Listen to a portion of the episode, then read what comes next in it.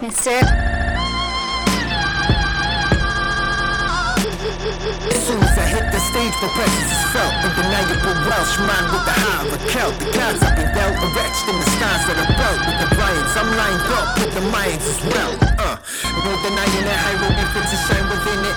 Secret messages right grinding with it. Binary, I've only ever been myself and clearly see the world's eating itself. Wel, da ni'n uh, trio rhywbeth gwahanol uh, heddiw ar y selar. Da ni'n mynd i wneud yn gyfres fach o sgyrsiau selar, uh, lle da ni'n dod â dau artist sydd wedi bod yn cydweithio ynghyd. Ac um, falch iawn o groesawyr ddau westau cyntaf, so mae gennym ni Ed Holden a Gwion James, neu Skilty, Gwion Skilty fel dwi'n galw fo, o'r um, grŵp Byffion. So, so mae boys, ydych chi'n iawn? Woo! Iawn. How's it going? Good, yeah.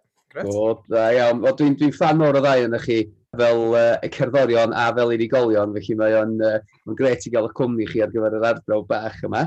Ond y reswm da bod ni'n dod ynghyd, sef uh, dych chi yn rhyddhau cynnyrch ar y cyd wythnos nesaf, sef mm. casgliad. Wan ta, dwi'n gwybod os dwi'n diolch o'n album neu EP neu mini-album, mae hwnna rhywbeth newn ni, newn ni drafod chydig bach eich ar eich mlaen. Uh, ond mae yna gasgliad o traciau wedi ail gymysgu, a traciau gyd wedi dod o dy album diweddara di, Ed, uh, neu Mr Formula, dylen ni alw ti eich sef Tunes.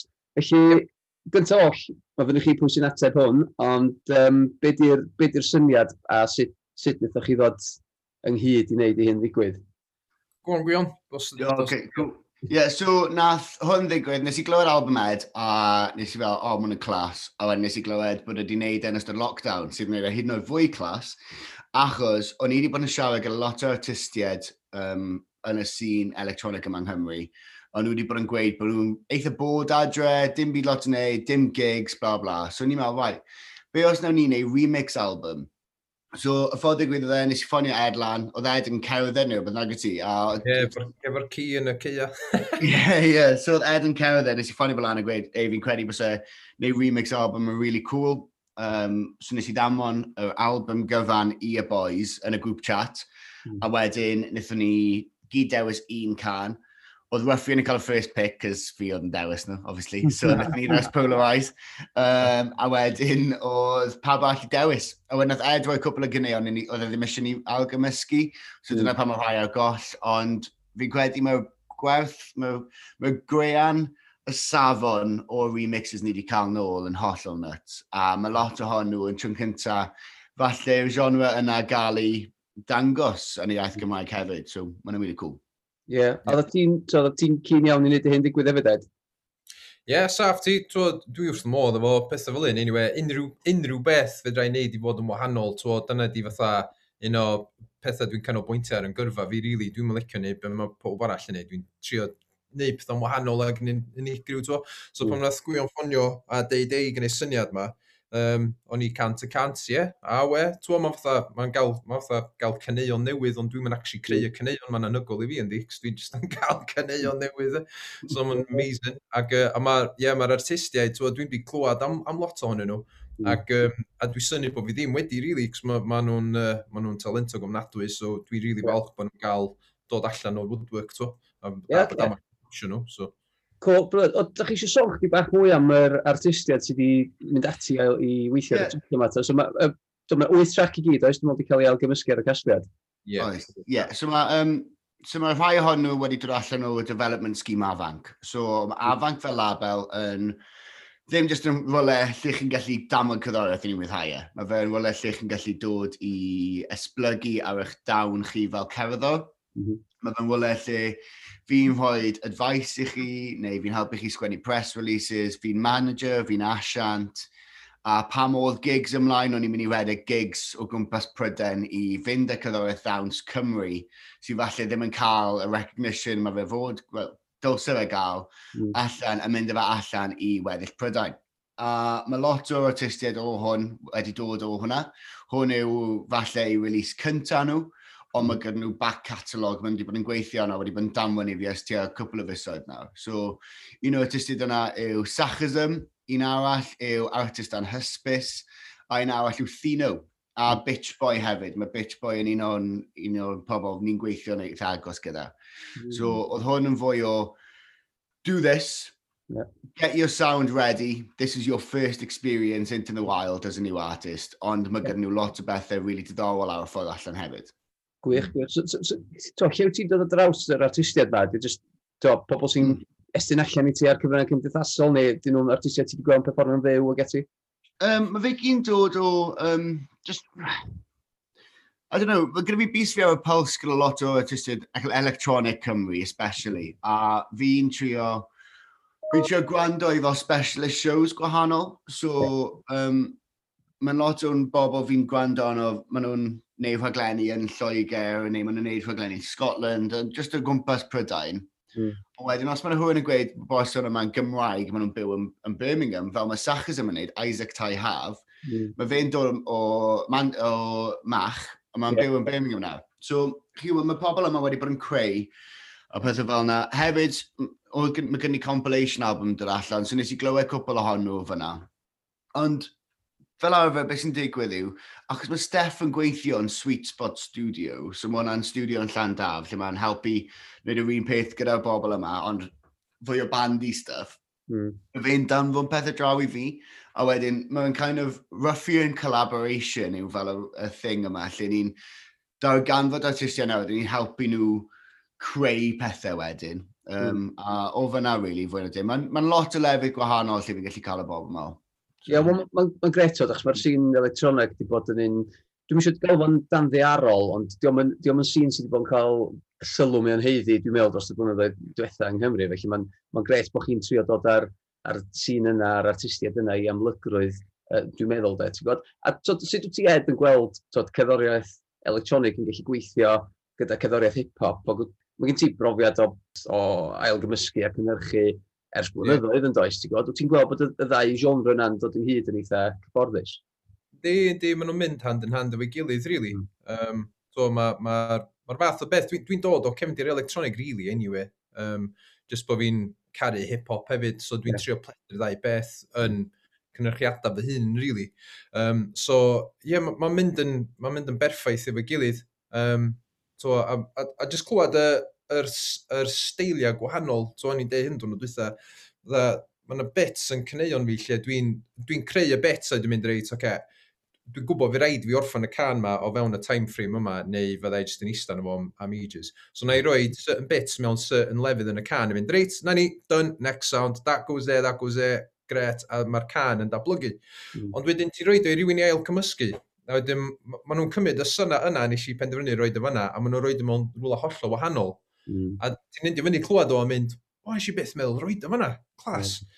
A, a mae newid y can yn, yn cyfan gwbl. A dwi'n modd efo hynna ffordd mae perceptions pobl yn newid um, efo, efo be maen nhw'n gael. Mae nhw'n gael, maen nhw'n basically gael can fi, uh, a maen nhw'n gael llechan hollol lan, mm. a maen nhw'n gael just neud be bynnag. A dwi, dwi licio'r syniad yna, mae'n nhw'n cool e. Dwi'n siŵr bod, mae'n ma, ma gret i'r randawr i glywed gan DL gymysgu, a dwi'n siŵr bod o i chi fel cerddorion hefyd, jyst yn gweld be mae rhywun arall yn pigo allan, yr un, tod, yr un agwedd na o'r gan maen nhw'n pigo na fo, ti'n neud o gwion yn dy sets DJ mm. uh, ers blynyddoedd, a, a, a Ed, ti wedi bod yn neud o hefyd yn det, ti'n gwybod, so mae, mae pawb yn, yn rhywbeth o ddehongli'r gan mewn, mewn ffordd mm. gwahanol, a mae hynny, mae hynny yn gret i weld. So, wyt ti, Ed, gys ti dysynu gan rhai o'r rhai o'r er elfennau bach na oedd yr artistiau wedi pigo allan, neu oedd ti'n disgwyl iddyn nhw pigo fyny ar y gweddau yna? Na, saff ti. Na, na, mae bob, ar fy marw, mae bob remix yn anhygol yn efo, does yn y byd wan yn efo, yn y byd dwi'n hmm. teimlo. Um, mae, ma bob artist yn dod o cefndir hollol wahanol. A, a dwi erioed wedi clywed hynna yn y sîn Cymraeg o blaen fel la. Um, yn amlwg, tyfu fyny trwy'r sîn, um, yn amlwg mae yna music electronic, twod, na i menwi pawb wrth gwrs, ond fatha yn y genhedlaeth newid, ti'n clywed y gymaint. Um, so, o'n i'n siŵr am be i ddisgwyl, really. Mm. Ond clywed hein o'n i fel, wow, mae hwn yn sôn swnio fatha'r y fath o beth sa'ch chi'n clywed fatha, twar, fatha Rins FM y stwff fel. Ie, ie. Yn sic i mewn bod hwn yn Cymraeg. Mae'n nuts yn eitha rai. So, mae hwn obviously angen gael mwy o sylw. Ac, uh, so ie, yeah, so dyna pam yn i'n chyff bod, um, bod fi a Gwion di gallu cydweithio nhw. Briliant. Oedd hwnna'n un o'r pethau, jyst i ategu be wedodd Ed fyna, oedd hwnna'n un o'r pethau o'n i really eisiau neud yn siŵr ohono um, bod e'n rhywbeth bysau'n gallu chwalu chwarae ar rinse neu uh, data transmission neu ar Centreforce 883. O'n i eisiau fe fod yn gallu bod yn, uh, yn body of work lle bysau e fe'n ffitio rwle yn y sîn electronic. That's in rwle. A um, fel gyda yr artistau eraill sydd arno fe, so ddim wedi dod allan o development scheme afanc, mae uh, ma Martin Cynia wedi cael ei chwarae ar Rinse, mae Clw yn cael ei chwarae ar rhaglen Noisy ar Data Transmission, mm. a hmm. mae Ryan M Hughes yn cael ei chwarae ar Six Music o hyd. Mm -hmm. So, o'n i wedi damwn, like, taflu y hwyd fel nath Lysela roed, e, dydd o blaen, o'n i wedi taflu y hwyd i gael pobl eraill. Mm. Oedd yn gallu rhoi fwy o sglein electronic a gallu rhoi y talent yna i hwn wedyn. Mm. Ond yn ffodus, o'n nhw i gyd wedi smasho fe anyway. so mae'n clas. Yeah, yeah. yeah no, clas.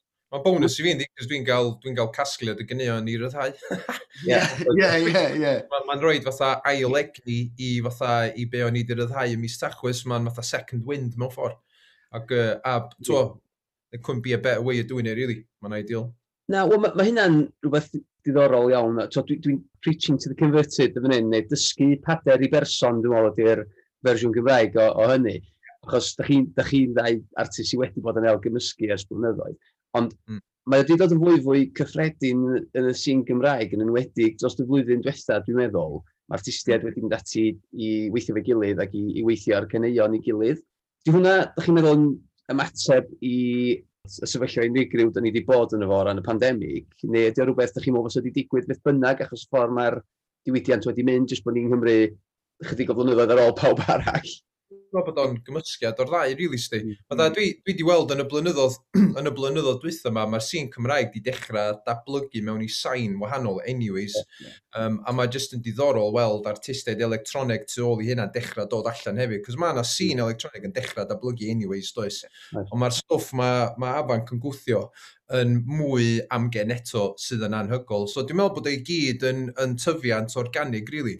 Mm. Ac, um, a dwi jyst, yeah, dwi jyst yn weld Cymru yn mynd o nerth i nerth yn, yn cerddorol, Steve. Mae'r ma, sîn rwan, mae yna gymaint o synths a, a balle'n gael ei hmm. defnyddio mewn hyd nod cerddoriaeth middle of the road, twa. Yeah, yeah. Mae'n ma amazing i weld. Ac, um, yeah, dwi jyst yn, dwi jyst yn teimlo fel bod ni mewn lle dda yn Cymru yn gyffredinol. Dwi'n meddwl bod ni, uh, yeah. we're on the pulse, eh? We're on the... Dwi'n meddwl gwian, ti'n cytuno, ti'n cytuno hynny? Ie, yes, ni'n cytuno gyda hwnna. Um, Ie, yeah, fel chi wedi dechrau gweld nawr bod lot o bobl oedd mewn bandiau ddim wedi gallu cael y cyfle i fynd i wneud band practice. So maen nhw nawr wedi dechrau wneud cyddaweth electronic. Fi'n gwybod bod Lewis wedi dechrau wneud stwff hmm. hefyd. So, a be ddigwyddodd gyda pam nath Ows Gwynedd roed i stems allan i Deryn D, nath hwnna just dangos faint o bobl oedd yn gallu neud e.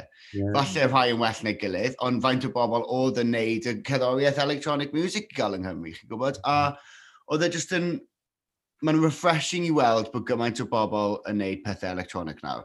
A mae fe'n mm, yeah. refreshing i glywed rhai ohonyn nhw'n cael eu chwarae ar y radio lot fwy. Um, yeah, mae'n ansaf unwaith bydd e ar Radio Cymru yn ystod y dydd gyda Ifan Evans, when I'll be happy. fel, os mae os ma cyneuon eraill fel drum and bass falle yn cael ei chwarae ar Radio Cymru, fel, o, dyma, dyma can um, alternative y diwrnod, falle. Yeah. Allen nhw ddechrau well lle maen nhw'n neud fel can alternative y dydd, lle maen nhw'n proed can sydd allan ar y di Gwener, a maen nhw'n just completely gwahanol. Yeah.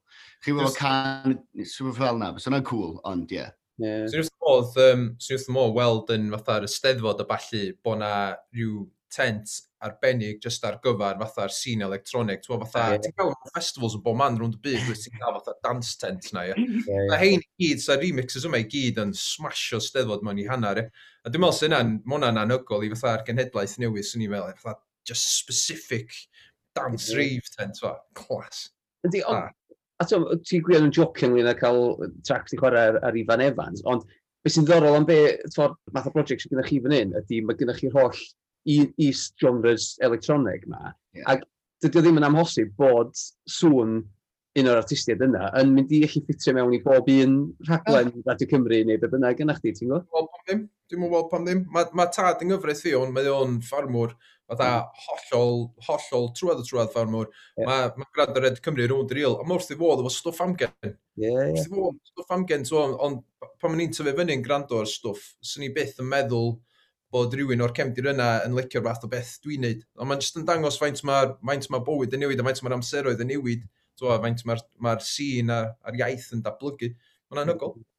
Mae rhoi, fel ti'n dweud, e, mae'n ma rhoi bywyd newydd i record hefyd, yn dydi, achos Dwi'n meddwl, so mae'r ffordd mae cerddoriaeth, dwi'n eitha hen ffasiwn rhan ffordd dwi'n gwrando ar cerddoriaeth, mae rai fi gyfadda, dwi'n licio rhywbeth ar, ar vinyl yn ddelfrydol, nice, uh, neu ar CD o leia, ynddo. Ebyn hyn, Spotify a'r, ar hmm. platforms yna ydy'r grym go iawn, ynddo. A y broblem yeah. hynny ydy, a ti'n cael, os ti'n lwcus, ti'n landio ar ryw playlist poblogaidd am gyfnod, lle mae jyst wythnos ydi o, wedyn ti off yn dweud. A dwi'n cymryd, wrth ti roi tracks ma fyny, ti'n gorfod rhoi nhw mewn un genre penodol neu cwpl o genres, Ond lle fan mm. hyn, ti'n gallu mynd i'r afel a, a cynnig genre hollol wahanol i dy record yn dweud, ti'n gwybod? A, a gallu cael y momentum newydd na chwe mis ar ôl ti'n ryddhau ond e. Felly mae hwnna'n, os bosib, yn, yn cyrraedd cynulleidfa ehangach. Um, ac yn ymestyn shelf life record hefyd, ynddi? Ydy, yeah, so, gyda'r gyda, album yma, y bwriad oedd i beidio fyddai sengle. Nithon ni gael sgwrsiau flat out, achos wedyn o'n i ddim eisiau o'n i ddim eisiau un sengl fod y lead single, a wedyn bys y pawb yn meddwl bys album gyfan yn y genre yna. Yeah. Mm. Achos bod e mor diverse, beth sydd wedi gofod digwydd nawr, ni wedi mwynhau efo un body of work, a wedyn mae pob un o'r artistiaid yna wedi hyrwyddo eu can nhw fel mm. sengl, yeah. sydd wedyn yn datblygu'r mm. holl beth wedyn. Yeah. A ma, yeah. Mae'n mm. bach tacsach, doedd, fatha, yeah. mae'n edrych ohonyn nhw. Sa'ch so, chdi'n rhyddhau un ar ôl y llall, o'n i jyst yn ie, yeah, ni sydd yn rhaid gweld fos yna just fatha llwythio Mr Formula Tracks wedyn, pobl yn mynd yn confused, o'n remix neu beidio. Yeah. Yeah. Ond, um, ond wedyn, twa, ond fel o'ch chi'n dweud gwion, twa, mae ma, ma, ma ddau sengla dyddi yma yn big thing yn diad o hwnna dim rili really rhywbeth dwi wedi mentro mewn i o blaen, so dwi'n mynd i wneud hynna fel release nesaf fi ar ôl hwn, so mae hwnna diolch i iafanc to, so mae hwnna'n cool, e. So, all good. Ie, yeah, briliant. So, mae ma Booby Trap yn ail rhyddau um, sengla nhw, dydy, clwb sengla, rwan, So mae hwnna'n, ac oedd hwnna'n thing, tyd, mae pobl rhoi singles allan ar CD neu fain o gwion o tiri ifanc i gofio hyn, eich. Ond Tom, iawn. Pep Le Pew, dyn ni dyn, nath ni can y mygwriaeth, ie? Ie, ie, ie. O, glas. O, dwi, dal efo'r CD yna sydd mewn shrink wrap. Dwi'n yeah. um, Pep Le Pew i gyd, o'n i wedi cadw un copi fy hun bod dim mewn shrink wrap. Yeah. Dwi'n uh, gyda casgliad bach o just box o just stuff, o ddi shrink wrap. Ie, ie, ie. Wel na, a dwi'n siŵr bod lot o bobl efo singles mewn box yn yr etic. Ie, dwi'n siŵr. methu gwerthu. Ond hyd yn project fel Cwdod oedd yn rhoi, um, oedd ddim yn rhy anhebyg i be mae Afan yn trio gwneud, dwi'n meddwl, yn, yn rhoi singla cyntaf artistiaid allan. So, gen ti bandio fel Radio Luxembourg a Poppies, yn just yn ddau, plant dyw, yn rhoi singles cyntaf nhw allan ar Cwdod fel... Ie, na ti, ie, ie, felly... Ie, ie, felly mae pethau fel yna wedi diflannu, ond mae'r ffocws di mynd ar... So, oedd single narfa bod yn A-side efo B-side yn dweud. Erbyn hyn mae'n just track, di o dweud. Mae singles di newid yn, yn llwyr hefyd. Felly mae o'n... Mae'n neis gweld darn o waith so, fel album neu cryno album neu EP bydd yna, da ni'n benderfynu, da ni'n mynd i olo fo yn, uh, yn, yn cael ei ryddhau um, un, o'n i siarad fy rogia am, am, am y pwnc yna, dyn nhw'n rhywbeth, ac uh, o'n i'n ofyn iddo fo, twa, um, ti'n ti boi singles da, ti'n mynd syth am albums dy bec i fi, dwi, mm. fel arfer, dwi'n gweld single, dwi'n dwi just skipio fo, yeah. um, dim ond old school dwi'n rhywbeth, ond um, ond oedd o'n deud i hun, oedd na, na, twa, na i check y single, meddwl, a wedyn i weld sut dwi'n teimlo am y can yna, a mm. wedyn fyddai'n gallu gwneud penderfyniad o sut dwi'n mynd i edrych ymlaen at yr albwm wedyn. So os yeah. mae'r single yna'n cry, mae dda'n excited i clywed ar album fath o beth, a nes i erioed meddwl amdano fo fel so, yeah. so, yeah, ond mae'n bwysig gwneud yndi. Yndi, yndi. Mae'n ddiddorol, o ti'n gweld rhai bandiau wedyn fel Lewis a uh, Elis Darby, a maen nhw'n rhyddai llwyth o singles A, a mm. so hmm. hwnna di hanner yr album wedyn ydy'r singles ynddo, a mae hwnna'n... Ie, yeah, gwion yn deud yr un peth, ie. Ie, o'n i'n sôn am Dua Lipa oedd e, y yeah. person yn ni siarad amdano, pan o'n i'n siarad am y singles yeah. o stuff. No, Achos oedd hi wedi bod yn rhyddhau lot o stuff, a wedyn nath hi hefyd rhyddhau Future Nostalgia, ond wedyn mm. nath hi rhyddhau Future Nostalgia remixes. A wedyn mm. oedd hi wedi algymysgu'r holl album wedyn hefyd. A nawr mae gyda i album arall o'n Midnight, so... Wow. Yeah, mae'n y tri album o un cyneuon, so... Anyway. Yeah, yeah. Anhygoel. Ond fel, ia, ti, fel ti'n dweud, ti'n atgyfodi'r cynnion yna, ti'n rhoi bywyd mm. newydd iddyn nhw, ti sydd yn, yeah. yn, yn gret i weld. De.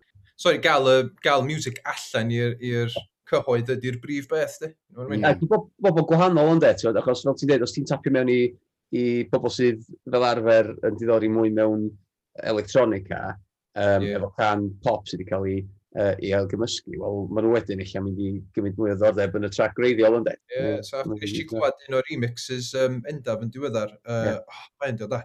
Un o'r, un o'r oh, bandiau uh, 70au. Oh, ah, yeah. Nôl i'r fo, Endaf Emlyn. Endaf Emlyn, ie. Yeah, yeah. O, achdi, hwnna, o'n i'n meddwl bod hwnna'n... Dwi'n licio, dwi gen i soft spot am house o falle. Yeah. Ac uh, hwnna, o'n i'n really impressed o hwnna. Nes i, uh, mm. nes i really gwneud gwrando hwnna. Nes i bangio hwnna'n mm. studio. Ydy, mae ma endaf yn un sy'n gwneud gwaith yn anhygoel, dwi'n meddwl dros y cyfnod diwethaf yma. Dwi jyst edrych ymlaen i weld, o'n neud sets byw hefyd yn dweud, fysa hwnna'n, os welwn ni unrhyw gigs byw uh, eto. Oce, okay, dwi'n dwi, dwi gwybod bod chi wedi dweud mae ma casgliad ydi, ond dwi'n dwi rhoi, rhoi chi ar y spot, oce? Okay? A, a dwi eisiau chi dweud pa un o'r, or traciau yma uh, ydy'r un trac sydd yn sefyll allan i chi, na ni fynd at gwion gyntaf, ti'n mynd cael dweud un ryffion. Oh. Right. A wedi fi'n arall sy'n gyda fi ar y label then. Um, na, um, mae gyda ni, yr un sydd yn sefyll allan i fi, o, oh, nes i helpu loads o pobl wneud. Fi wni ddewis yr un nes i ddim gyda, o'n i ddim gyda unrhyw help, nes i ddim helpu nhw o gwbl yno. So, na, fi, fi'n mynd i weid clw. Cool. Remix clw o um, We Know. Na, All We Have yn dyfew. Yeah, yeah, all, we, all have. we have Yeah, all, all we, we have, have yw clue. Yeah. Cool. Ond mae'n explain o'n amazing hefyd, so. Uh, Ie, mae bach, mae gwestiwn bach yna'n heg, dwi'n gwybod, achos chi'n... Ie, bach. Ond, Ed, beth amdano ti? Um, so ni wedi mynd am clw hefyd, Stix, dwi'n yeah. dwi big fan o Liquid Drum and Bass. Dwi'n massive yeah. Drum and Bass fan. Dwi'n yeah drum and bass. Um, a, a just digwydd bod liquid ydi fatha un o stilia uh, ffefryn fi, really. Yeah. So pam nath gwion gyrru hwnna a deud, o, oh, mae'na remix yma gan boi enw o clw. O, oh, cool, i gael scan yn efo. Mm. A syth bin o'n i fel, oh boy, that's my thing. Hwnna, yeah. Um, ond os dwi, os dwi ddim yn gorau pig o clw, um, Ma, uh, wir i chdi, maen nhw gyd yn solid, ond hmm. fatha, dwi'n licio un bitch boy, uh, hmm. mae hwnna'n, mae'n just yn, fatha, drone baseline ma. Bom, bom, bom, bom. Dwi'n mynd really stopio, nedi. Mae'n just yn mynd a mynd a mynd, ac a dwi'n ddim modd efo hwnna. Um, Mae'n un Martin Cinion na'n amazing hefyd, cos mae hwnna fel festival vibes, fatha dub.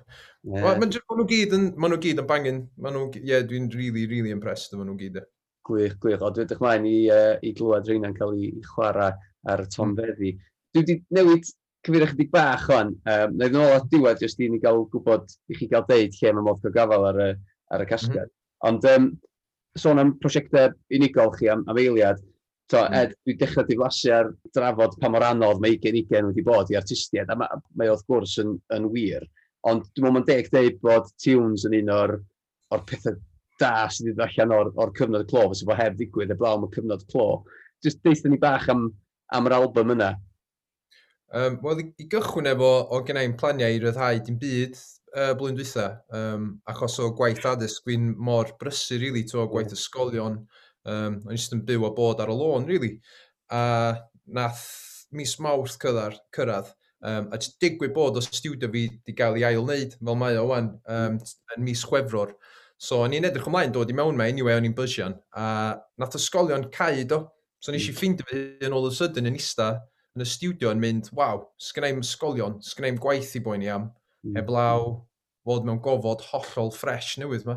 Mm. Ac, um, a, ac oedd yr, yr syniad yna di just sbarduno i fi, rai, dwi'n mynd i neud hom ar album. Mm. Ac, mm. um, a literally, dyna fo, nes i'n stopio, nes i literally, i fod yn nes i really, really fwynhau fi hyn. Nes i really fwynhau y cyfnod glona. So, o'n i'n mynd allan y drws Kevin, mae'r studio fan hyn, a wedyn mae'r mynyddodd ffwrna, so dwi gael just cerdded am oria, dod yeah. am o'i studio a neud tunes, a ie, yeah. yn am, amlwg mae'r sefyllfa rhwngwladol yn, yn horrendous, lle, ond, ond ar rhan fi fel safbwynt unigolyn, yeah. si rili fwynhau ar amser off na. Mae'n diddorol, dwi'n meddwl mae'r y bandiau sydd wedi ffeindio fo'n anodda e, achos dyn nhw wedi datgu i, i, yeah. i ymarfer a recordio ag ati, ond dwi'n meddwl i artistiaid yeah. unigol, mae lot o artistiaid mm. unigol wedi, wedi cael bydd yeah. cyfnod yma, ynddo? Ie, wel dwi'n ffodus ofnadwy, so, mm. achos o be dwi'n dwi, dwi gallu neud fel unigolyn a'r ffaith bod fi efo studio, dydy pawb ddim efo hynna. Na. So, yeah. o'n i'n ffodus iawn hefyd, so ti'n rhoi hynna mewn i'r mix hefyd. Lly. Mm. Um, ond, ie, uh, yeah, mae di ni sylweddoli bod fi'n trefilio gormod efo gwaith, to, diolch yeah. i gyd amdan hel pres a, a mynd i fyma, fyna, fyma, fyna. Dyma yeah. amdan hynna, so dwi'n mynd i ymlacio chdi bach efo hynna pan mae cyfnod clo yn codi a just cool.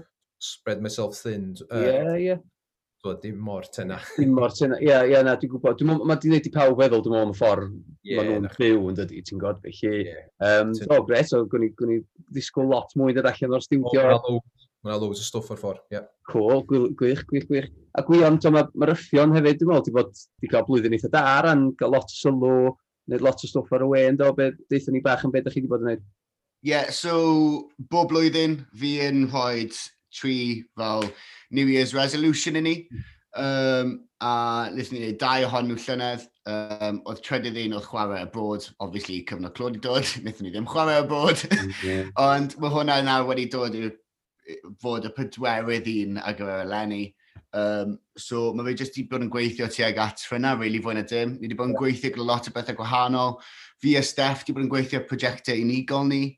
Um, A ie, yeah, lot o bethau really diddorol yn dod allan. Fi ar y ffôn i sain bob am yna o diwrnod bod yna bod yn trio cael sample clearances. Yeah. So mae lot o bethau really cool yn dod allan trwy Ruffian. Um, a lot o artistid eraill newydd yn y sîn electronic yng Nghymru ar y ffordd hefyd.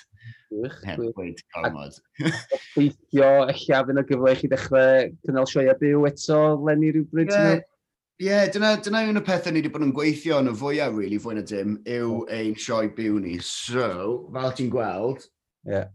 ni, nice. bod yn, ni wedi bod yn gweithio lot ar um, ein sioe byw ni, yeah. ffordd, ffordd o wneud e. Uh, mewn, kind of, so yn hytrach na bod chi'n cael DJ set ar y diwedd, bod chi'n cael ni i chwarae, a ni wedyn yn neud set byw gyfan, a ni'n neud holl cyneuon a stuff, a dyna be o'n i wedi bod yn trio neud llynedd anyway, o'n i wedi dechrau fe mis mawth, ond achos o'n i'n da... sorry. sorry. Na, achos o'n i wedi bod yn dechrau fe yn mis awth, o'n i just i trio wneud pethau a gan bod ni wedi cael o amser i bractiso fwy a achos bod ni gyda fwy o amser i just wneud cyneuon, wnaethon yeah. ni just penderfynu, let's just go for it. A trio yeah. wneud proper set byw a uh, evolve o hwnna, develop o hwnna, really. So, yeah, lot o bethau diddorol newydd, lot o artistiaid newydd ar y ffordd, a um, gobeithio taith. Brilliant. edrych mlaen, edrych mlaen. O boes, dwi wedi gadw chi ddigon hir, so dwi'n mynd i gadw chi lot yn hirach, da chi'n foes prysur iawn, felly Uh, Dwi'n siŵr bod chi'n ddigon i fwrw ymlaen o fo. Ond cyn i ni gadael chi, newch chi jyst atgoffa ni lle mae modd cael gafel ar y casgliad ail gymysgiadau Tunes. Mm -hmm. uh, Fydd ar gael ym mhob man yn digidol. Um, Spotify, iTunes, Usual Suspects, mae'n ma bob man. Uh, fydd ar y Bandcamp fel uh, free download. Mm -hmm. um, fydd ar gael ym mhob man, a fydd o'n gael i chwarae gobeithio ym mhob man hefyd, mae Reid Wills mewn chwarae fo, mae Nadi Cymru mewn chwarae fo. Ie, yeah, mae pob un can di gwneud chwarae unwaith. Ie, na chdi. radio. Ti'n hollol nuts o'i gyfer album. So, ie. Ie, fantastic. Gwych, iawn. Ni'n staff o pwysio o gwmpas, so. Ie, yeah, wel, byddwn ni rhoi llwyth o sylw ar uh, wefan y selar, so cadwch olwg o fanno, fydd y dylen ni ag ati i gyd um, fanno. Oes, diolch yn fawr iawn i chi am eich amser a uh, cadwch eich clust allan am fwy o sgyrsiau fel hyn gan y selar yn dyfodol agos. Boes, pob lwc efo'r e, uh, efo gyfnod nesaf yma. wan. Diolch fawr. Diolch. stage for presence is felt Undeniable Welsh man with the heart of a Celt The gods have been dealt and wretched in the stars that are built With the Bryans, I'm lined up with the Mayans as well Uh, more than I in a high road, shine within it Secret messages grinding with it.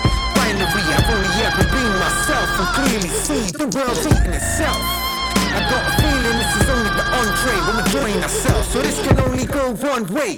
Funny how these events are unraveled. Back and forth, these leaders play badminton. We sit and watch, trying to understand plots. But it ain't but net views like we're shuttlecocks. Scrambling rocks, climbing back in the box. Hmm, I don't fancy our gambling odds. plain old-fashioned populist propaganda. All alone in the snow globe, the author me dial on my own road, packaging significant messages into compact bite sizes. We walk around wearing visors, looking up, trying to decipher what the sky is.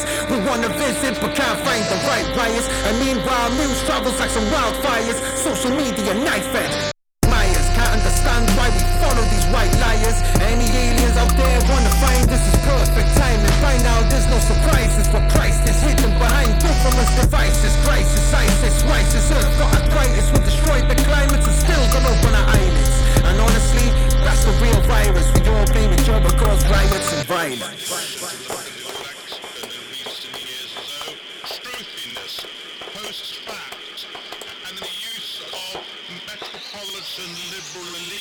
as a pejorative.